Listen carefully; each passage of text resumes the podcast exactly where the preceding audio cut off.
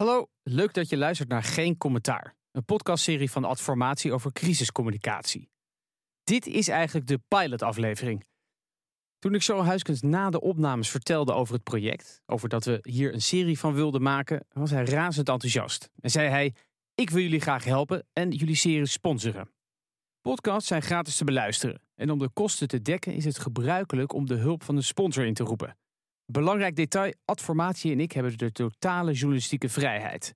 En ook al sponsort Huisges Communications de podcastserie, toch wilde ik deze interessante pilotaflevering niet onthouden. Kortom, veel luisterplezier. Als je veel crisissituaties uh, na afloop uh, nog eens terug analyseert, dan zie je wel dat het ook vaak begonnen is met het verkeerd inschatten door een bedrijf of een organisatie van de factor tijd. Ik geef u één advies, mevrouw. U kunt mij dit honderd keer vragen. U zult honderd keer uh, het antwoord krijgen dat ik daar geen commentaar op geef. Daar ga ik me ook verder niet over uh, uitlaten. En, uh... Ik ga geen uitspraak doen over deze ene zaak. En ik beslis wanneer ik wel of niet een antwoord geef. En ik zou graag willen dat dit gesprek nu beëindigd wordt. Ja?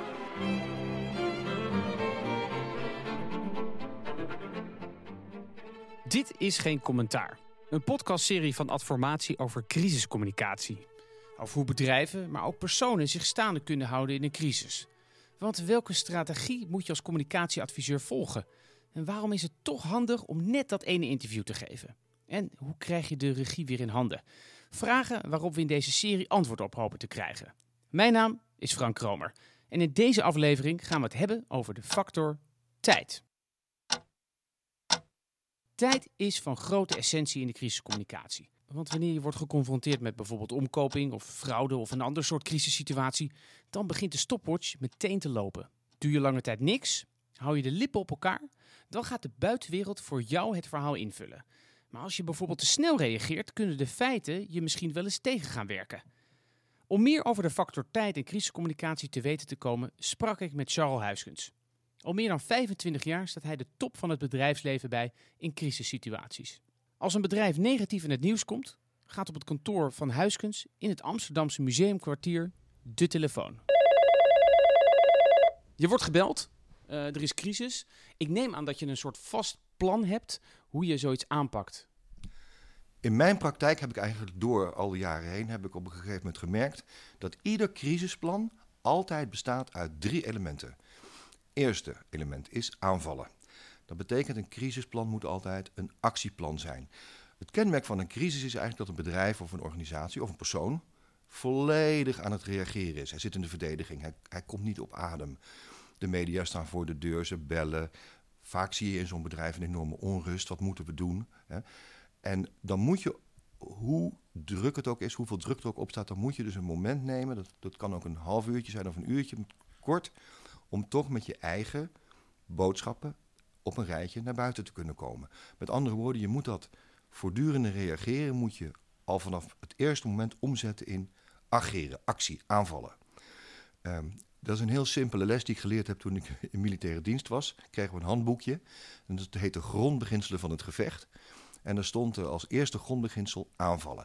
Met een verdedigende strategie kunt u het lang volhouden, in je schuttersputje kruipen. Maar u kunt per definitie nooit winnen. Klinkt heel simpel, het is waar. Dus je moet aanvallen, het moet een actieplan zijn. Nou, het tweede element in een crisisplan. Uh, we hebben natuurlijk uh, geen kogels of geen geweren. Nee, we hebben eigenlijk maar één ding wat we kunnen inzetten, is onze creativiteit. Creativiteit is het eerste uh, wat vermindert of verdwijnt in een crisis. Mensen zijn zo onder de indruk van wat er allemaal gebeurt en op hun afkomt, dat ze niet meer in staat zijn om creatief te denken. Denk aan de les van Pim Fortuyn. Die ging s'avonds voor een debat slapen. Hij was fit, hij was energiek. Dat zie je ook overkomen in alle debatten. Hij is spitsvondig, hij is alert, hij maakt grapjes. Terwijl zijn tegenstanders de hele dag hebben rondgelopen met, uh, langs huizen om, om, om aan te bellen en verkiezingspraatjes te verkopen. Nou, dat klinkt niet erg enthousiast, Dat belooft nog wat te worden. En hij is fit, dus zorg dat je creativiteit, dat je die toch weer um, terugkrijgt. Uh, want je moet creatief nadenken over hoe je dan in actie moet komen. En zelfs in een crisis waar het allemaal om ellende en narigheid gaat, moet je toch in staat zijn creatief te handelen. En een derde aspect wat cruciaal is, is integriteit. Dus actie, creativiteit en dan integriteit, 100% integer. Wat je zegt, eh, eh, als je dan naar buiten komt, moet wel 100% integer zijn. Want Nederland is een klein land, maar de media tegenwoordig, eh, nou, dat, dat is een, een 24 uur circus wat permanent overal op let. Dus de kleinste onduidelijkheid of, of ja, wat, een feitje wat niet klopt, kun je niet veroorloven. Daar word je in zo'n crisis heel erg op afgerekend. Je moet dus zorgen dat je, eh, wat je ook dan in je creativiteit allemaal verzint, dat het wel 100% klopt. Je begon met aanvallen, maar soms lijkt het me dat je ook het gewoon niet kan. Dat je niet kan aanvallen. Bijvoorbeeld als er fraude is in je bedrijf, dan heb je natuurlijk het OM, eh, justitie, advocaten. Ja, dan moet je toch eigenlijk gewoon wel stilzitten? Daar heb je helemaal gelijk in. Het is voor veel mensen die te maken krijgen bijvoorbeeld met de FIOD of met milieuregelingen of met lozingen in, in, in, in afvalwater, noem maar op. Zij worden op een gegeven moment eh, in het nieuws gebracht omdat er iets niet goed gaat. En omdat ze dus betrapt zijn op een, op een, op een affaire. Hè. Het kan fiscaal zijn, het kan, eh, het kan ook zijn met milieu. Hè. Dus dat het, zij overtreden regels met eh, uitstoot van gemene stoffen.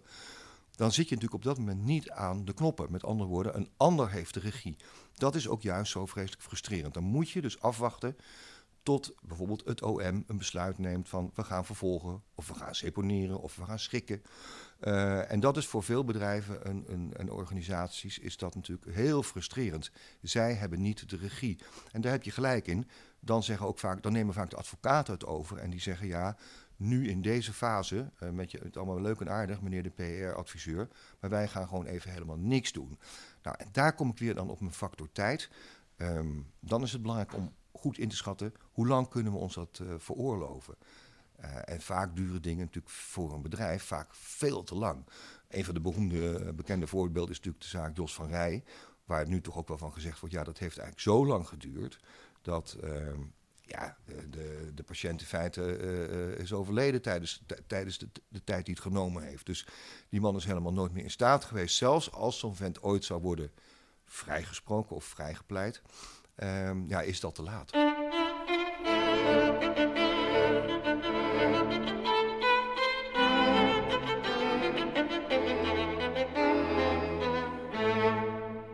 De factor tijd wil je niet graag als vijand hebben. Dus hoe zorg je ervoor dat tijd juist in je voordeel gaat werken in een crisissituatie? Je hebt natuurlijk een situatie dat een bedrijf kan zeggen: Nou, eh, we hebben eh, signalen ontvangen dat er onderzoek gebeurt of dat er, eh, dat er zaken zijn die niet in orde zijn. En dat zou wel eens een keer kunnen leiden tot een rechtszaak of een, een inval. Of we krijgen daar problemen mee en kunnen we niet beter zelf naar buiten. Nou, dat, dat gebeurt ook wel. Ehm, het kan ook bijvoorbeeld zijn dat een journalist belt. En die belt met iets lelijks en dat een bedrijf dan zegt: Wacht even. eh, dit kunnen we niet riskeren. We gaan zelf met een persbericht nu komen. Journalisten vinden dat heel vervelend, want zijn ze hun primeur kwijt. Uh, maar toch is het vaak nodig, zeker als het een beursgenoteerd bedrijf is.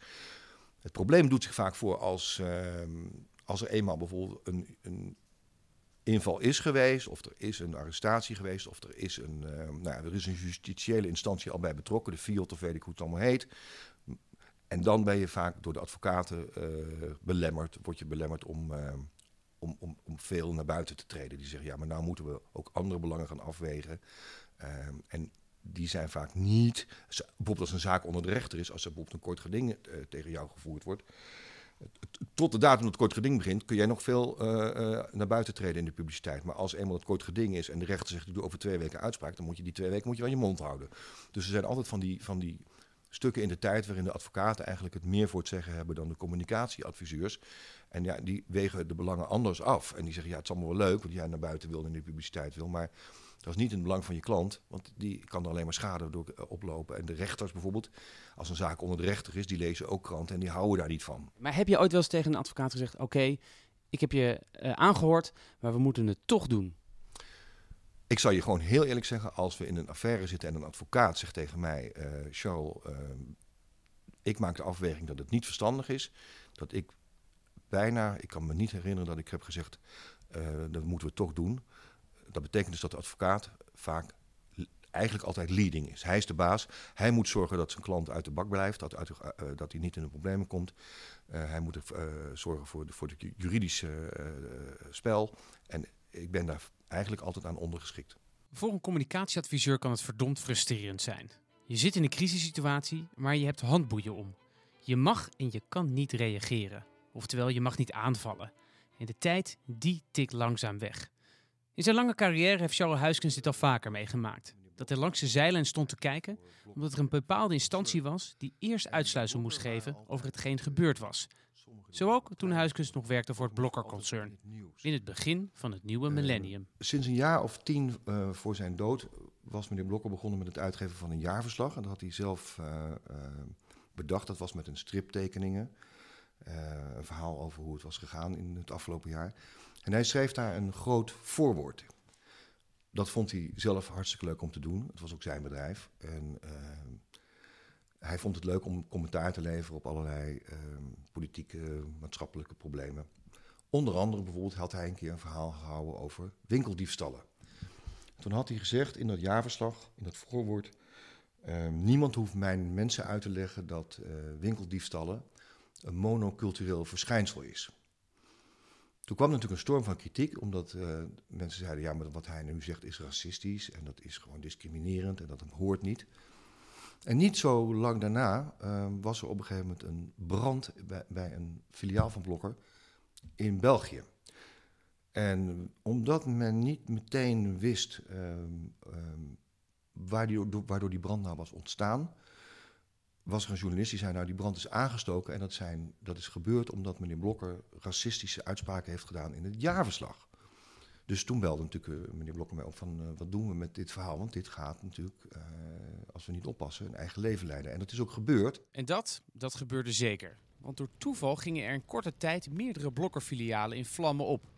Ook in Nederland. En toen journalisten hoorden dat de Nederlandse justitie hun collega's in België om inlichtingen hadden gevraagd over de branden, was het verhaal voor de kranten rond.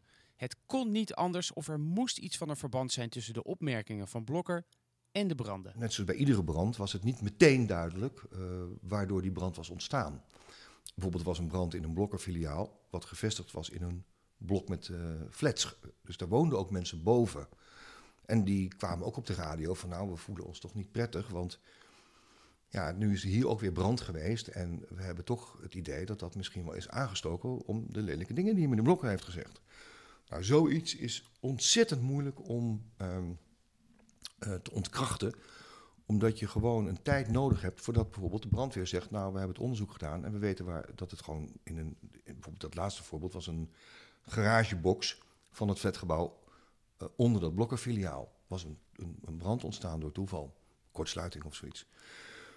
Intussen natuurlijk heel schadelijk en um, heel gevaarlijk ook voor. Um, ja, mensen worden daar ontzettend onzeker van. En dan duurt het toch altijd best wel lang voordat je alle feiten op tafel hebt om te, om te kunnen ontkrachten. Deze branden zijn niet aangesloten, uh, aangestoken. Deze branden zijn gewoon ja, uh, door toeval ontstaan. Moet je gewoon eerlijk zeggen, journalisten geloven niet in toeval. Journalisten schrijven niet op uh, de koersen gingen vandaag in de ochtend omhoog en later in de dag gingen ze naar beneden en niemand weet waardoor het komt. Journalisten willen altijd schrijven. Uh, nou, dat komt omdat Trump iets geks gezegd heeft of omdat, omdat de financiële markten onrustig waren. Met andere woorden, toeval in een journalistiek verhaal, dat doet het niet goed. Dus iedere journalist zoekt naar een verhaal met een begin, een middenstuk en een eind. En een soort plot. Dus dat is levensgevaarlijk. Dus dat is een probleem wat dus bedrijven hebben die in de beginfase van de crisis dat verhaal voor journalisten nog niet helemaal rond kunnen maken. Want als je dat niet kan, gaat het zelf doen. Ja. Maar hoe heb je dat dan kunnen oplossen? Want je moest wachten op de brandweer. Heb je in de tussentijd iets naar buiten gebracht? Of ben je stil geweest? Nou, je kan dus geen, geen verhalen, je kan geen verhaal uh, de wereld inbrengen wat niet gebaseerd is op feiten. Here's the thing. When I make a statement, I like to be correct. I want the facts. This event just happened. In fact, a lot of the event didn't even happen yet as we were speaking. Zelfs Donald Trump wil eerst de feiten hebben voordat hij reageert. Ja, echt waar. And it's a very important statement. So I don't want to go quickly and just make a statement for the sake of making a political statement. I want to know the facts. Als je te snel reageert zonder precies te weten hoe de vork in de steel zit, als je de factor tijd onderschat, of beter gezegd de tijd die je hebt onderschat, dan kan het je uiteindelijk duur komen te staan. Er zijn heel veel voorbeelden van dat je dus achteraf ziet van mensen die, uh, of bedrijven die, um, die achteraf uh, te snel naar buiten kwamen. Bijvoorbeeld zo spelen zich uh, verschillende... Nou, met die MeToo-discussie heb je dat ook. Dus bedrijven die te snel zeggen, nou, er is niks aan de hand hier. moeten ze toch achteraf op terugkomen. Dan raakt de buitenwereld het vertrouwen kwijt in het bedrijf. Ehm, bijvoorbeeld bij ehm, de laatste Olympische Spelen speelde dat hele verhaal rond die matchfixing. Ook weer zo'n typisch verhaal wat al veel langer bekend was, maar waarvan, waarvan men gedacht had: oké, als we dat nou een beetje onder de pet houden, dan komt dat wel goed. Dat komt natuurlijk op het meest ongelukkige moment, komt dat dan wel naar buiten. Ehm, ja, je, ik weet niet, eh, ook met het Volkswagen dieselschandaal bijvoorbeeld, zie je ook steeds weer dat, ehm, dat eigenlijk de oorzaken van die crisis veel dieper en verder in het verleden liggen. Nu op dit moment heb je bijvoorbeeld een interessante crisis, die speelt zich af rondom onze oorlogsheld, Marco Kroon heet hij toch? Ja. En nou fijn, dus we hebben dan een oorlogsheld, heel bizar, want uh, we hebben daar eigenlijk geen oorlog gevoerd. Het was een vredesmissie, maar we hebben daar een oorlogsheld aan overgehouden met een, met een medaille, hè, door de koningin uh, geridderd, als, als ridder in de Willemsorde, hoogste onderscheiding die we hebben. En rondom die man heen spelen zich nu allerlei discussies af van wat is er eigenlijk nu met dat laatste verhaal precies gebeurd. Um, daar zie je dat men toch ook in eerste instantie te snel heeft gereageerd. Nu zegt de minister, ik roep iedereen op om zijn mond te houden. Nou, dat hoef ik niet uit te leggen. Dat gaat niet meer werken. Maar hoe bedoel je, is er te snel gereageerd? Door, door wie? Voordat je dus een, een verklaring naar buiten brengt dat je die man uh, vertrouwt en dat wat hij zegt dat dat klopt, moet je ook precies weten wat er eigenlijk gebeurd is. Nou, nu wordt er steeds meer opnieuw getwijfeld aan wat hij verteld heeft. Heel veel uh, journalisten, met name de Volkskrant en ik geloof ook bepaalde tv-programma's, die onderzoeken steeds verder wat zich daar natuurlijk in Kabul in Afghanistan heeft afgespeeld. Nu blijkt dat wij daar uh, dus mensen hadden rondlopen in burger, hè, als een soort geheim agent. En hij heeft dus nu zelf verteld dat hij daardoor iemand gegijzeld is, die hij later dus doodgeschoten heeft. Nou, de twijfels aan dat verhaal, die, die gaan steeds verder. Intussen is dus ook weer een bekend probleem. Het Openbaar Ministerie met een onderzoek bezig. De minister kan dus voorlopig niks zeggen. Uh, en in eerste instantie is dat toch zeer onderschat. Inmiddels weten we dat het OM gestopt is met haar onderzoek naar Marco Kroon. Hij wordt dus niet meer vervolgd. Toch is zijn reputatie wederom te grabbel gegooid. Want heeft hij het verhaal nu uit zijn duim gezogen of niet? Het volgende fragment is illustratief. Het is een interview dat Kroons advocaat Geert-Jan Knoops heeft met de NOS. Vlak na het nieuws dat het OM haar onderzoek is gestaakt. U kunt vaststellen met dit persbericht dat het OM zegt we hebben het niet kunnen bevestigen, maar ook niet kunnen weerleggen. Dus de OM heeft niet gezegd dat het helemaal niet had kunnen plaatsvinden. Nee, maar er is geen enkele aanwijzing voor. Nou. Weet u zeker dat uw cliënt dit niet zelf verzonnen heeft, dit verhaal? Voor zover wij kunnen overzien en ook de details kennen, is het niet verzonnen.